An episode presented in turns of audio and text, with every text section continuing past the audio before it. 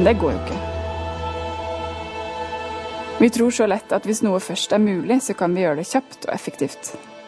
Reklamen eier oppmerksomheten vår i 30 sekunder, men så blir vi lei.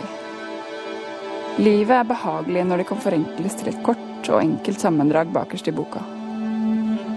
Og det er i denne virkeligheten vi skal prøve å holde interessen for evangeliet oppe. Men klarer vi det? Klarer vi å holde interessen der? Lenge? Lenge nok til å få røtter, sånne som tåler vind og vinter. Millioner av mennesker sier ja til å ta imot Jesus Kristus. Man er født på ny, sier man. Men derfra, da? Hvordan ser det ut? Vi har så lyst til å kjenne og erfare Gud, finne de gode opplevelsene, liksom. Men tenk om vi også kunne finne tryggheten og gleden i å bli og være tålmodige disipler. Som dager og år lever livet sitt i rytme, i takt med mesteren. De slitesterke vanene, det trauste, det livsviktige. Det er blitt sagt at det ser ut som det vesentlige i himmelen og på jorda er at man går lenge i én og samme retning.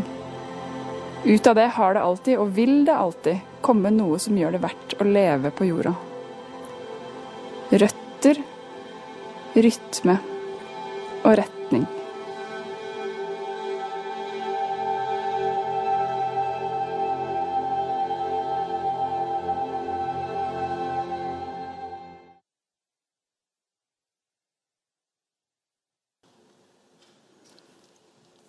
Det er noen ganger når jeg skal stå sånn som jeg gjør denne kvelden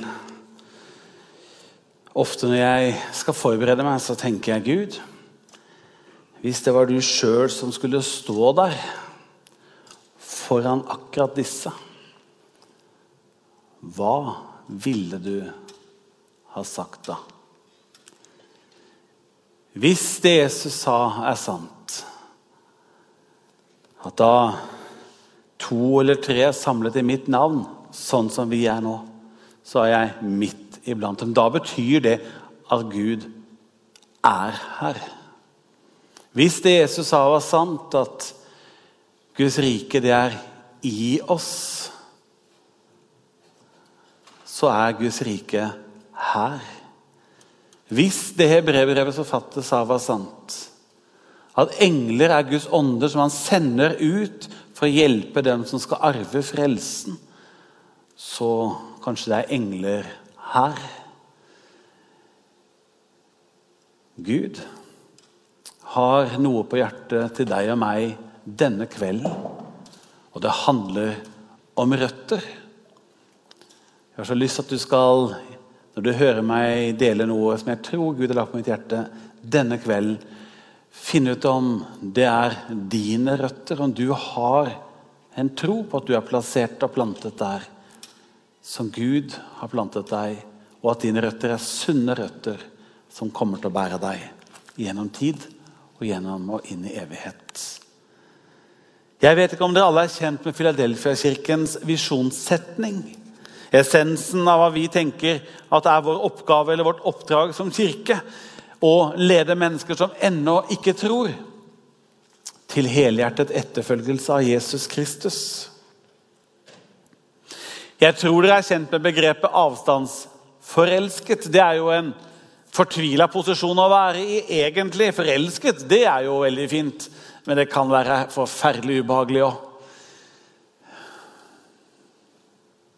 Kan det ikke det? Ja, I hvert fall hvis du er avstandsforelska. Du skjønner at det er no hope. Det er kjipt.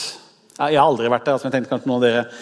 Altså, men tenk ordet avstand og forelsket. da. Det er jo to ord som egentlig drar i hver sin retning. For forelsket ønsker jo nærmere, mens avstand vil jo ikke det. Jeg lurer noen ganger på om skapningen er avstandsforelsket i Gud. Jeg har møtt mange mennesker som sier ja, ja, det er nok ikke umulig at det fins noe mer mellom himmel og jord enn det vi forstår og ser. Jeg lurer noen ganger på om Kirken er avstandsforelska i Gud. Det er veldig flott å beundre Jesus, men helst på litt avstand, for da berører det ikke livet mitt så stort. I hvert fall ikke sånn at jeg må forandre på det noe særlig. Jeg har lyst til å si til deg at skapelsen av vår verden, det er en enorm kjærlighetsakt. Skaperen former noe ut av ingenting. Hvorfor?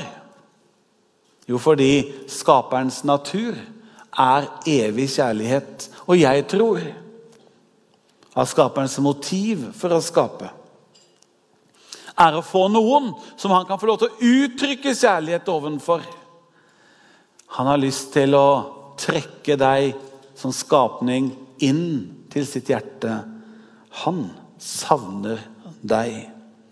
I Bibelens tredje kapittel så kommer det et dårlig ord inn. Det er ordet fiendskap. Det var ikke Guds idé. Det var ikke Guds plan. Det er ikke Guds oppfinnelse heller. I slutten av det kapittelet så kommer det noen kjipe setninger om en trist bevegelse. Det handler om avstand. Det står 'Herren sendte mennesket ut av Edens hage'. Han drev mennesket ut. Ikke fordi han ønsket, men fordi det var en konsekvens og en nødvendighet. Men da er Gud i gang med en langsiktig plan om å gjenopprette det som har blitt ødelagt. Det er Guds plan. Og han er i gang. Å lede mennesker som ennå ikke tror, til helhjertet etterfølgelse av Jesus Kristus, det handler dypest sett om å fjerne avstand og gjenopprette nærhet. Det er Guds kjærlighetsprosess. Jeg tenker Det er det vi er litt på sporet av som kirke.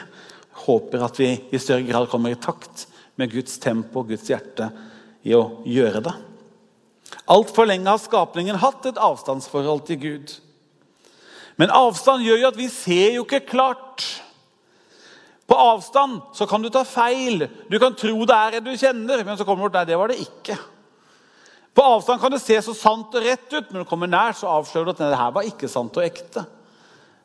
Gud har et ord som kalles for åpenbaring. Han bruker det. Og det er hele poenget med det. Det er at Gud har lyst til å avsløre eller vise hvem han er.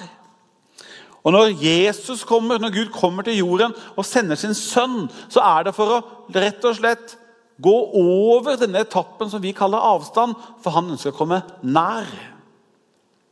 En mann og kvinne ble spurt om hva de tenkte når de hørte ordet 'røtter'. Og den Mannen han var botaniker, og han var mann, så han tok ordet først. Og Han var ivrig, og han sa 'røtter', sa han, så begynte han med en sånn kort en liten forelesning. Han sa 'røtter har tre funksjoner eller oppgaver'. Første det er å, å feste planten til jorden. Punkt to sa han, det er å ta opp vann og disse løste næringssaltene, så planten får liv og næring. Og det tredje det er å lagre organiske stoffer.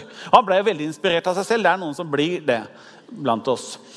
Og Han sa videre noen slyngplanter sånn, det, de har klatrerøtter. Det er for at de skal kunne vokse oppover trær, oppover fjell og vegger.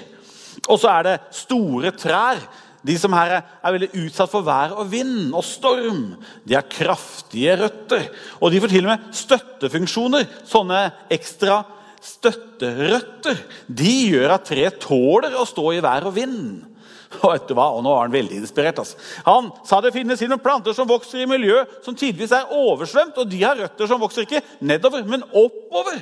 Så når det er oversvømmelse, så er røttene oppover og kan suge inn oksygen. Sånn at dette treet kan få lov til å leve, denne planten kan få lov til å få nok liv.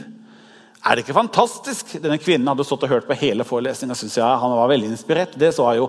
Så hun sier, og hun her var historiker. Hun sier det er både interessant og imponerende. Eh, men røtter det handler like mye om vår opprinnelse. Altså hvor vi kommer fra. Røtter det handler om det opphavet vårt, opprinnelsen kulturelt, religiøst, sosiologisk, ideologisk. Våre røtter de, de er med og har en formende innflytelse på livet vårt. Ja, De er med og gir oss en opplevelse av identitet. Atferd, fysiologi, og mye mer arves og føres videre. Jeg er jo sånn at jeg kan komme rundt Eidsvoll, og så kommer folk og sier til meg du, jeg kjente faren din, for jeg ser at du er, du er sønnen til Ruben. Så ja, det er jeg. Man kan si at det er jeg ikke, men, jeg er det. Det er noen av oss som helst har lyst til å prøve å si at nei, det er, jeg kjenner ikke han i hele tatt. Altså, som prøver å ta avstand fra røttene våre. Men det kan vi ikke. Altså, Røtter det er rett og slett vår opprinnelse. Vi kan ikke frasi oss vårt opphav eller opp, vår opprinnelse. Vi bærer med oss et DNA som til og med var med å bli formet før vi ble født. Det er en arv som vi får, som vi selvfølgelig både kan utfordre, utvikle og forhåpentligvis forbedre. Men vi kan aldri frasi oss vårt opphav og vår opprinnelse. Både som individer, nasjoner og kulturer. Jeg satt og leste, og så kom jeg over en artikkel til en psykolog som heter Kristina Moberg. og Hun skrev dette. Man er ingenting uten sin historie. Da er man jo historieløs, identitetsløs. Det som kjennetegner mange som ikke orker å dvele ved de vanskelige tingene i livet, og ta inn over seg vonde følelser, det er at de mister noen biter av seg selv. Og de blir rotløse. Roten er et godt symbol på enhvers persons unike livshistorie. Uten en rot blir ikke et tre til. Skader man røttene til et vakkert eiketre, så vil selv de øverste bladene brunes. Sånn er det med mennesker også, skriver hun. Vi kan ikke kutte vekk roten og forvente blomstring. Og jeg leste og jeg leste. Og jeg fant ut at mange kloke psykologer, mange mennesker som jobber med andre mennesker, masse kompetanse, kloke hoder, masse erfaring, de sa én ting til felles. De sa at rotløse mennesker sliter ofte med å finne fotfeste i livet. Jeg har så lyst til at du skal forstå hvis det er sant, dette som Bibelen sier, at ditt opphav, ditt slektstre, det begynner ikke med moren og faren din. Heller ikke med den tippoldeforeldrene dine. Ditt slektstre, det begynner med Gud. Dine røtter er i Gud. Gud sa i begynnelsen i første Mosebok La oss skape mennesker i vårt bilde, så det ligner oss. Når Paulus var i Aten og sto foran disse kloke menneskene oppe i Europagos, så sier han om Gud Det er jo han som gir liv og ånde, ja, til alt og alle. Da tenker jeg at da blir det jo sant da, at vi er ikke primært jordisk, vi er primært himmelsk. Du er et barn av Skaperen. Ditt opphav trekker seg lengre enn dine fysiske aner. Det går helt tilbake igjen til skaperens hjerte. Det skapende, lengtende, kjærlighetsfulle hjertet. Så sier Apostelens gjerninger 17.: Det er i Han vi lever, beveger oss og er til, for vi er Hans slekt. For noen år siden så talte jeg her i Filadelfia-kirken en søndag. Og Uten å mene det så såret jeg en kvinne dypt. Jeg fikk vite det av en av våre møteverter. Og Jeg løp ut av møtesalen for å finne henne, men hun og hennes barn var gått før jeg rakk å finne dem. Jeg hadde snakket den søndagen om å være et Guds barn. Og Uten å tenke at jeg kunne treffe feil, så sa jeg at vi er ikke bare adoptert av Gud. Nei, vi er født av Gud. Vi bærer hans egen ånd, hans eget DNA. Han er vårt reelle opphav. Men så sitter denne kvinnen i gudstjenesten sammen med sitt adoptivbarn. Og mine ord opplevdes ufølsomme. Som om jeg sa at et adoptiv, adoptert barn ikke er like høyt elsket eller har en like genuin plass i en familie som et biologisk barn. Jeg har vært i flere år lei meg for jeg aldri fikk sagt unnskyld fordi jeg såret dem. Sannheten er at i en sårbar verden som vår, så er det både fantastisk og himmellikt at noen ut av kjærlighet tar et barn til seg og gjør det til sitt. For en trygghet å være ønsket, utvalgt og inkludert som et fullverdig del av en familie. Og Så håper jeg du hører allikevel tonen under det jeg sier i dag, til alle. Det er at alle vi har samme røtter. Vi er alle den samme skaperen. Han er vår alles far. Og Hvis vi tar imot Guds invitasjon, så vil vi motta den samme ånd, så vi får Guds DNA. Vårt felles DNA. Og denne himmelske far ønsker ikke et avstandsforhold. Han gikk den nødvendige etappen da han, som Jesus selv uttrykte det, for så høyt har Gud elsket verden, at han ga sin sønn, den enbårne, den eneste, for at hver den som tror på han ikke skal gå fortapt, men for evig liv. Og Gud sendte ikke sin sønn til verden for å dømme verden. Det er det kanskje noen føler og tror. Nei, han sendte sin sønn for at den skulle bli frelst ved han. Og Så kommer Gud og ser deg inn i øynene, og så anerkjenner han deg som tror, som sitt eget barn. Alle dem som tok imot ham, ga han retten til å bli Guds barn. De som tror på hans navn. For dere er alle Guds barn ved troen i Kristus Jesus, sier Galaterbrevet 3. Og så sier 1. Johannes brev, se hvor stor kjærlighet Far har vist oss. Vi får kalles Guds barn, ja, vi er det. Hvis du er her denne kvelden og tenker at når jeg nå snakker om Guds barn, så er du utafor den fortellingen. Du kan få lov til å komme innenfor fortellingen hvis du vil. For Gud er vår alles opprinnelse, vårt alles far. Og han inviterer oss alle inn til bordet som sine barn, hvis vi vil. For å understreke at vi tilhører Gud, og at våre liv er vevd sammen med Han, så sier Jesus i Johannes 15 at du, jeg er som et vintre, og dere er grenene. Vi hører sammen, og det er livet som flyter gjennom meg. Det skal jeg gi til dere. Apostelen Paulus bruker også dette bildet når han snakker om jødedom og kristendom. Han så at de, disse første kristne, disse hedningekristne de sto i fare for å se ned på jødene fordi jødene ikke anerkjente Jesus som Messias. Og så ville Paulus peke på hei, ingen av oss har skapt oss sjøl. Vi står alle på skuldrene av noen som har vært før oss. Slik har det alltid vært. Helt tilbake til skaperen som startet det hele. Og så sier han i Romerbrevet 11.: Husk at det er ikke du som bærer roten. Nei, det er rotene, roten, røttene, som bærer deg. Du som er et Guds barn, du som er skapt av Gud kan få lov til å hvile i at det er han som bærer deg. Vi kaver og vi stresser og vi prøver noen ganger å bære Gud og være Gud. og alt sammen, Men du behøver ikke det. Det er ikke din jobb å gjøre Guds del av jobben. Han tar den med glede.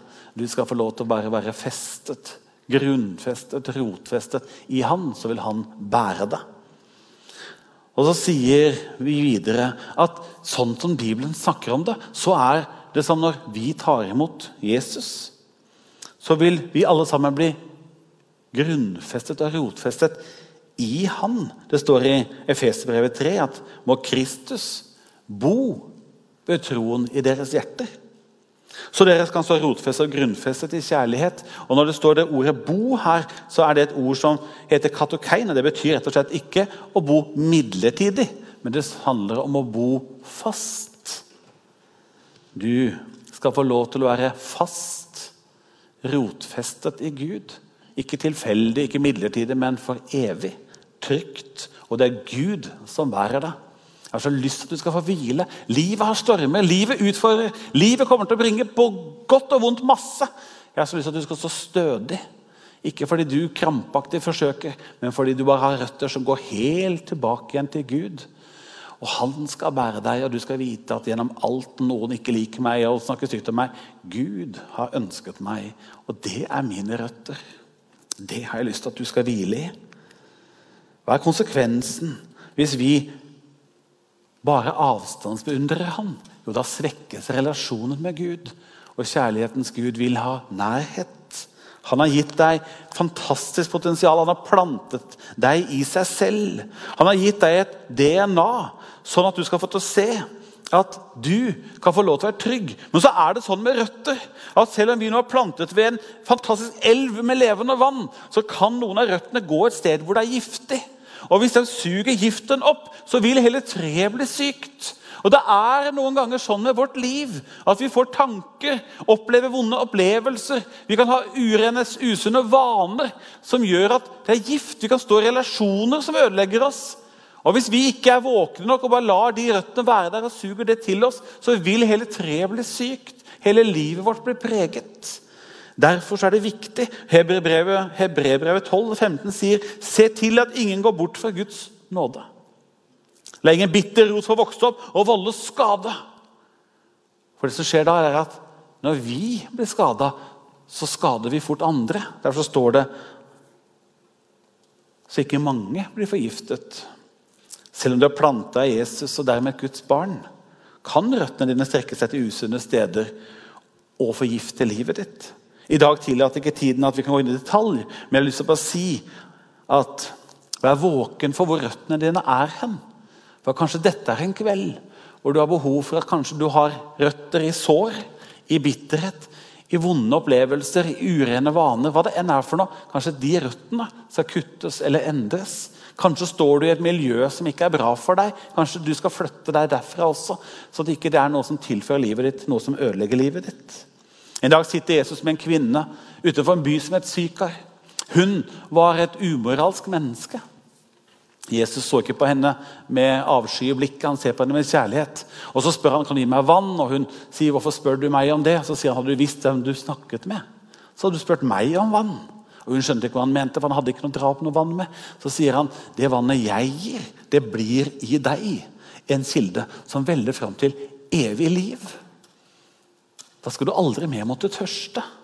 Det vannet ville hun ha. Hun skjønte nok ikke helt da at han snakket om seg selv og om Den hellige ånd. Men det er det jeg sier til deg i dag. Hvis du har lyst, kan du få lov til å motta Gud og få i deg en kilde som veller fram. Du kan ha røttene dine som går helt tilbake til Gud i forhold til identitet og opprinnelse. Men du kan også koble deg mot et liv som gjør at om det er håpløst rundt deg, kan du kjenne på håp. Om det er uro rundt deg, kan du ha fred. Om alt er mørkt, kan du kjenne på lys. Om du er så sliten, kan du få ny kraft. For røttene går lenger enn omstendighetene, og de går lenger enn din fysiske kraft. Den går helt inn i Guds ressurser. Det er en av løftene Gud har gitt oss. Vi er plantet et sted hvor vi kan få lov til å bære frukt. Salme 1 sier at du kan være som et tre plantet ved rennende vann, som bærer frukt i rett tid, og løvet visner ikke. Så kan det komme omgivelser, omstendigheter, som truer og utfordrer deg. Jeg har lyst til å bare si til slutt en liten fortelling fra apostlenes gjerninger som både utfordrer og inspirerer meg. For jeg har lyst til å snakke om røtter i dag. Røtter som gjør at du vil stå og kunne danse i vinden på de gode dagene, men også stå og ikke falle når stormene kommer. Det var to stykker. Han ene het Paulus, andre het Silas. De hadde delt evangeliet i en by som het Filippi. Men så gikk det galt. De ble angrepet av folkemengden for det de sa. Klærne ble revet av dem, og de ble pisket med mange slag. står det. Og så ble de kastet inn i det innerste fangehullet. Det er rått, det er kaldt, og det er mørkt. Og så blir de lenket fast. Bena deres blir lenket fast i blokken innerst i fangehullet. Og der er det ikke noe ålreit å være. Men så står det i Apostelens gjerninger 16 ved midnattstid, da mørket var der, så holdt Paulus og Silas bønn, og de sang lovsanger for Gud. Og fangene i de andre cellene satt og hørte på. Lurer på hva i all verden skjer borti den cella der? Og så tenker jeg hva så superkristne var de to der? Men vet du hva det handler om? Det handler om røtter. Det handler om at når det er tørketid, når det er kaostid, når det er steppebrann og skogbrann og alt er vanskelig, så kan vi få lov til røtter som går ned til et annet sted hvor Gud gir oss kraft, så du kan få lov midt i det vanskelige å se oppover fordi du har røtter som går dypere enn omstendighetene. Det har jeg lyst til å unne deg denne kvelden.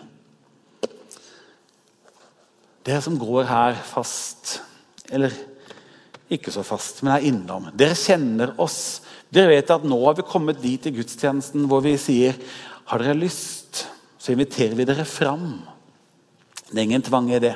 Gud er like nær deg som sitter bakerst, øverst, til sida eller forrest. Men det er noen ganger det er godt for oss å flytte oss litt. Hvis du er her denne kvelden og vet at i denne fortellingen når jeg snakker om Guds barn, at vår opprinnelse er hos Gud, så sitter du og tenker ja, er det meg? Og er jeg et Guds barn? Alle av oss er min overbevisning og Bibelens forkynnelse, er kommet fra Gud. Så er det spørsmål om vi har lyst til å ta imot Han, så Hans ånd kan fylle oss. Det kan du få oppleve denne kvelden. Få lov til å bli et Guds barn. Kanskje står du med livet ditt hvor røttene er kobla i Gud, men de står også kobla mot noe annet som gjør at du kjenner at livet blir vanskelig. Kanskje har du blitt påført noe, kanskje har du valgt noe, kanskje har du tenkt noe, gjort noe. Kanskje et eller annet. Men de røttene tilfører livet ditt noe som gjør at livet ditt blir ødelagt. Kanskje denne kvelden er et sånt øyeblikk hvor du skal komme fram, kanskje snakke med noen, bli bedt for. Eller tenne et lys og si Gud, jeg har lyst til å se at disse røttene de må jeg kutte, for disse gjør meg vondt. Disse tilfører meg ikke noe bra. Kanskje dette er en viktig kveld for at du skal få lov til å hvile i røttene. For du bærer ikke røttene, men røttene de bærer visselig deg i tid og i evighet. Gud har plantet oss opp på et hvilested. Røtter handler ikke om krampe. Det handler om å ha plantet et trygt, hvilende sted. Vi må være våkne for hva er det som kommer gjennom røttene inn i livet vårt. Himmelske Far, du kjenner oss alle, og du elsker oss med en utømmelig kjærlighet. Og du er her denne kvelden for å sette fanger fri, røre ved de som har det vondt. De som ikke er et ditt barn i dag, for de ikke har sagt ja til deg. De kan få oppleve deg denne kvelden og ta imot deg i sitt liv. Kanskje det er noen som skal kutte røtter i dag, eller flytte røtter. Så ikke vonde ting skal lenger få forme livet. Legger denne kvelden i dine hender. Vær frimodig til å komme fram hvis du har lyst til det. Nå reiser vi oss, og så tilber vi Gud sammen.